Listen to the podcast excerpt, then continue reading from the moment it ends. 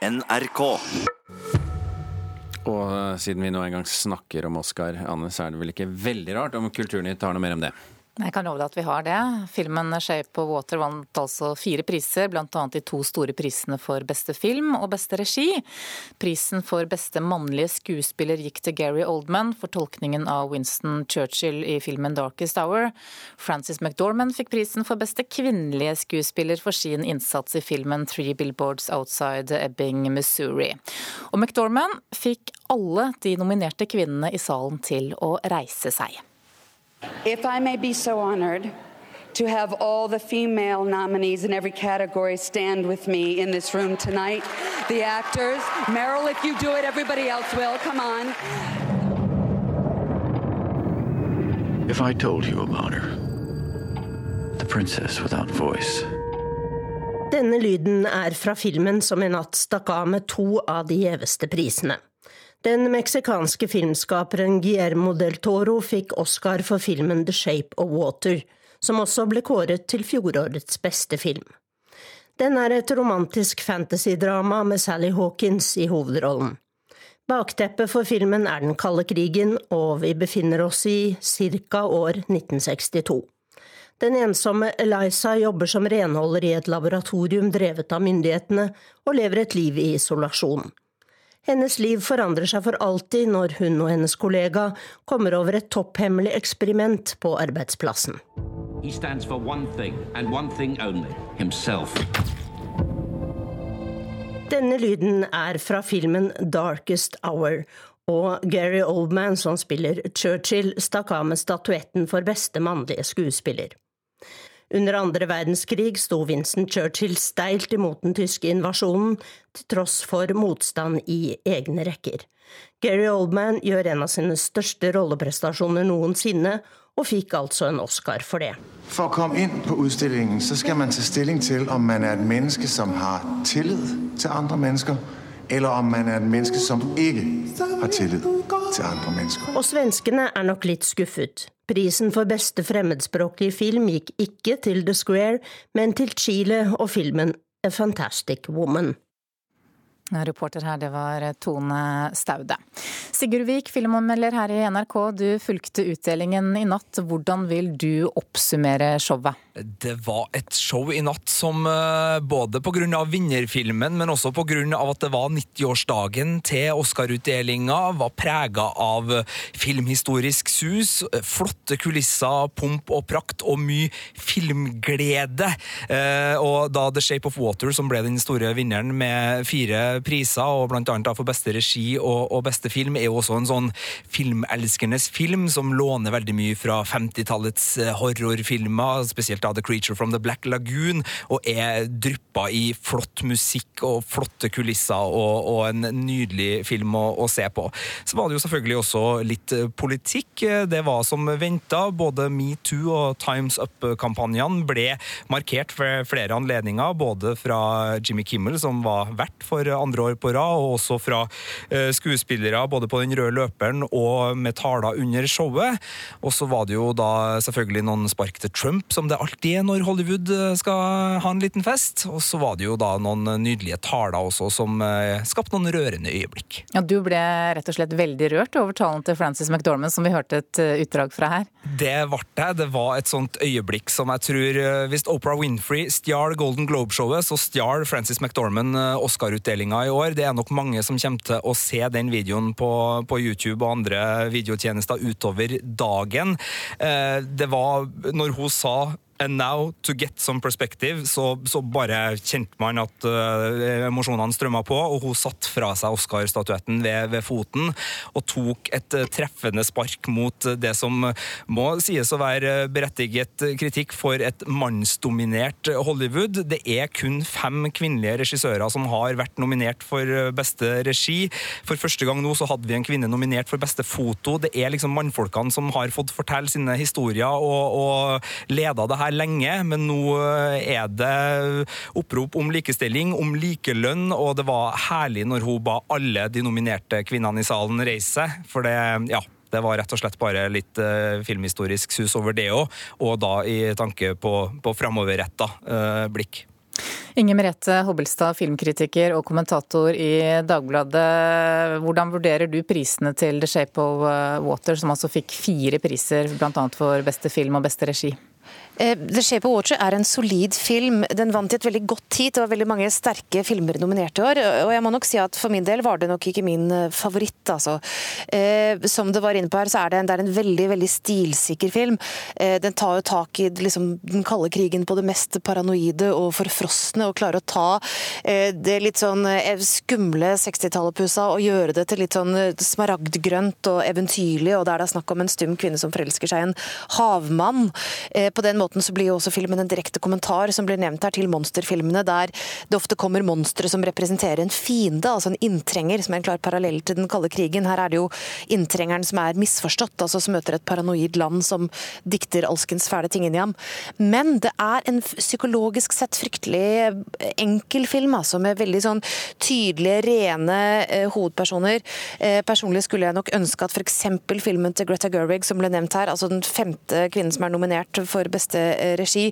Hun har laget en perle av en film som heter Ladybird, kunne godt fått mer oppmerksomhet for, for, min del. Vi har eh, Jordan Peel som vant for beste originalmanus til Get Out, altså denne snedige skrekkfilmen som bruker horrorsjangeren til å eh, vise hvor rett ut uhyggelig det kan være å være en ung svart mann i et uh, hvitt middagsselskap der folk sier pene ting, men kanskje ikke mener dem. Jeg syns dette er litt mer observante filmer enn filmen som vant. Mm, men du var begeistret for tildelingen av prisen for beste manus? Eh, ja, jeg, altså En ting er Pilspris Pils pris for beste manus, men det ble jo også gitt ut en film for beste adapterte manus. altså, det filmen som, altså Et manus som er basert på eh, en, tidlig, altså en, roman eller et litterært forelegg. Og Der vant altså rett og slett 88 år gamle James Ivory eh, den første Oscaren i hans karriere. Og James Ivory er altså rett og slett filmskaperen som står bak noen av eh, 90-tallets mest elskede kostymedramaer. 'Tilbake til Howard's End', 'Resten av dagen', 'A Room with a View' som han laget sammen med eh, sin mangeårige kjæreste, eh, mannlige kjæreste, nemlig eh, produsenten Ishmael Merchant, som nå er død. Dessverre fikk han aldri priser for noen av disse filmene, men nå har han da altså adoptert den nydelige kjærlighetshistorien 'Call Me By Name', som handler om to unge menn som faller for hverandre. Og det var virkelig på sin plass at han opplevde denne typen heder helt på tampen av karrieren, og jo faktisk av livet. Sigurd Vik, dette var altså den første Oscar-utdelingen etter det vi må vel kunne kalle Harvey Weinsteins fall, og starten på denne metoo-bølgen. Hvordan preget dette utdelingen i natt? Eh, det starta Det er litt sånn eh, blanding av kampanjer, kan man si her, men det starta på den røde løper, hvor Ashley Judd og, Mira Sorvino tok til orde for Times Up på en eh, veldig sober og god måte, og hvor de spesielt da drev folkeopplysning rett og slett, og snakka om de mulighetene folk i alle bransjer hadde til å få hjelp av de advokatene og, og de ressursene som er til rådighet gjennom uh, den bevegelsen. Så var det også sånn at uh, Salma Hayek og Ashley Judd og Annabella uh, Siora Nå er jeg litt usikker på om uttalen min er litt fæl her, jeg beklager det, men de holdt da en appell under Oscar-showet og snakka om det her, og det leda også an i en slags ganske sterk filmhistorisk seanse hvor man brukte eh, Hollywood-historien og, og, filmhistorien til å, å, peke litt på det her. Så det, det, var absolutt til stede, og det var også kledelige spark fra bl.a. Emma Stone, som under uh, sin eh, utdeling av pris sa vel noe sånt som at det var fire regissører og Greta Gerwig som skulle få lov til Fire mannlige regissører og Greta Gerwig som skulle, skulle kjempe om prisene, så det var noe som gjennomsyra egentlig hele showet, men som ikke hadde den samme sånn ikoniske reaksjonen som på Golden Globes, hvor hele den røde løperen var, var sort, eh, men, eh, men, det var absolutt noe som, som gikk igjennom. For det var vel en del glitter og glamour eh, også i natt, Inger Merete Hobbelstad? Eh, det var det, og det var jo annerledes fra Golden Globe fordi den gang så var det jo rett og slett en koordinert kampanje. At alle skulle stille i sort. Det var det ikke nå. Men du så ikke så mye Hva skal jeg si? Det var ikke så mye som var liksom der ute hva angår angikk kjolene. Det kunne virke som om veldig mange følte for å ta det litt sobert, rett og slett, i år. Kanskje litt, litt dempet og iblant litt kjedelig til å være en rød løper. Men jeg syns jo det er verdt å trekke fram Rita Moreno. Det var jo også en, altså en del av den feministiske understrømmen under Oscar-utdelingen i år. At det også var en del grand dams fra Hollywoods tidligere tiår som ble trukket frem. Rita Moreno vant jo Oscar for beste birolle for West Side Story. Hun er jo den som famøst synger I Want To Be In America i den filmen. Og hun stilte rett og slett opp i den samme kjolen hun hadde på seg den gang, som hun bare hadde fått tilpasset så vidt. Og, var, og den var faktisk fremdeles en av løperens beste antrekk. Veldig kort til slutt, da burde det vært en kvinne som var vert for Oscarshowet i år, sett i metoo-lyset? Jeg tenker vel at det ikke er Det er ikke så mye akkurat det det går på som hva er representasjonen over hele eh, forestillingen. Da, og at her, Der var det jo åpenbart gjort en innsats for at kvinner skulle prege eh, utdelingen som sådan. Og så lenge det blir gjort, som jeg tenker er riktig et år som dette, så syns jeg ikke det å være nød, altså, så nøye på akkurat den eller den posisjonen, at det ikke ville være det som telte. da, Det er helhetsinntrykket. Takk skal du ha, Inger Merete Hobbelstad, filmkritiker og kommentator i Dagbladet, og også Sigurd Vik, filmanmelder her i NRK.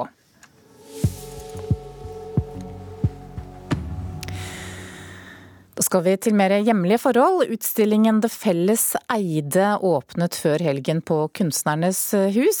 Mona Palle Bjerke, kunstkritiker her i NRK. Hva slags utstilling er dette her? Ja, Dette er en utstilling som er et samarbeidsprosjekt mellom Kunstnernes hus og Oslo kommune kunstsamlinger, og som egentlig er del av et mye større prosjekt som innebefatter foredrag, seminarer, også omvisninger i offentlige bygninger og på kunstsamlinger og på plasser. Eh, men vi tar også bare for oss denne utstillingen helt isolert. Ja, Hva er det vi får se? Ja, Det innledes da når vi kommer opp den store trappen i Kunstnernes hus med Jon Benjamin Tallerås 'Tyder' fra 2012, som er en film der han klyver over gjerder, klatrer på husfasader, hopper fra avsatser og tar disse uoffisielle byrommene i sin besittelse. Så gjør vi et voldsomt formmessig og tidsmessig sprang inn til Harald Solbergs eh, vakre eh, solnedgangmaleri eh, med utsikt over festningvollene. Det er fra 1913, med en skinnende gul himmel og et bladløst tre som strekker sine bare grener mot denne himmelen.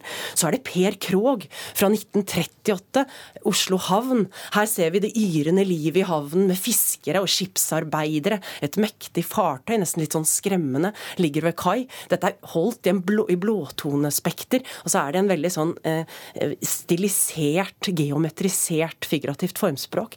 Her er det et kjærestepar sentralt i bildet, en kvinne som sitter lent mot mannens ben og lukker øynene og tilsynelatende drømmer. Mannen skuer utover havet. Og så gjør vi igjen et voldsomt sprang til Per Berntsen eh, og hans saklige, direkte fotografier av også Oslo havn, folketomme havneområder fra 1993. Så her er det veldig variert hva vi får se. Ja, for Det høres ut som det er veldig mye forskjellig. Får vi noen opplevelse av en sammenheng her? Nei, sammenhengen er unektelig nokså uh, uklar. Vi vandrer på kryss og tvers gjennom århundrer og ulike uttrykksformer. Fra uh, Irma Salo Jegers praktfulle modernistisk abstrakte maleri til Ane Hjort Guttus da film fire studier av Oslo og New York, som også er fra 2012. Den uh, utforsker hvordan byplanen og arkitekturen synliggjør de sosiale forskjellene, og hvem som eier lyset, hvem som har tilgang til solen, så er det plutselig Gustav Rodins mektige bronseskulptur fra 1884, eh, 'Mannen med nøklene', som vanligvis troner da på Solli plass. Men hvordan fungerer dette da som eh, utstilling, er det blitt bra? Som summen av sine verk så er det jo en flott utstilling, fordi det er så mye flotte verk, men rent kuratorielt er dette meget svakt. Eh, det er, ligger i sakens natur at det er veldig krevende å skape en utstilling, også noe litt paradoksalt faktisk, skape en utstilling om kunst i det offentlige rom. For det som gjør kunsten i det offentlige rom så fantastisk, det er jo at vi nettopp finner den der vi ikke venter å se den. At man kan, f.eks. hvis man er en person som ikke vil finne på å sette sin fot i et museum, snubler inn i en kunstopplevelse i byrommet eller i de offentlige miljøene, og at ikke kunsten er i gåsehudene stengt inne i museet. Og når man har det krevende utgangspunktet, så er det ekstra viktig med en tydelig Eh, tematikk at man vet hva man undersøker. Og det er veldig uklart her. Byen i kunsten og kunsten i byen blir en så vid og vag tematikk at den egentlig ikke fungerer som en ramme. Mm. Men jeg forstår det likevel slik, Mona Palle Bjerke, at utstillingen er verdt et besøk. Takk for at du kom hit til Nyhetsmorgen.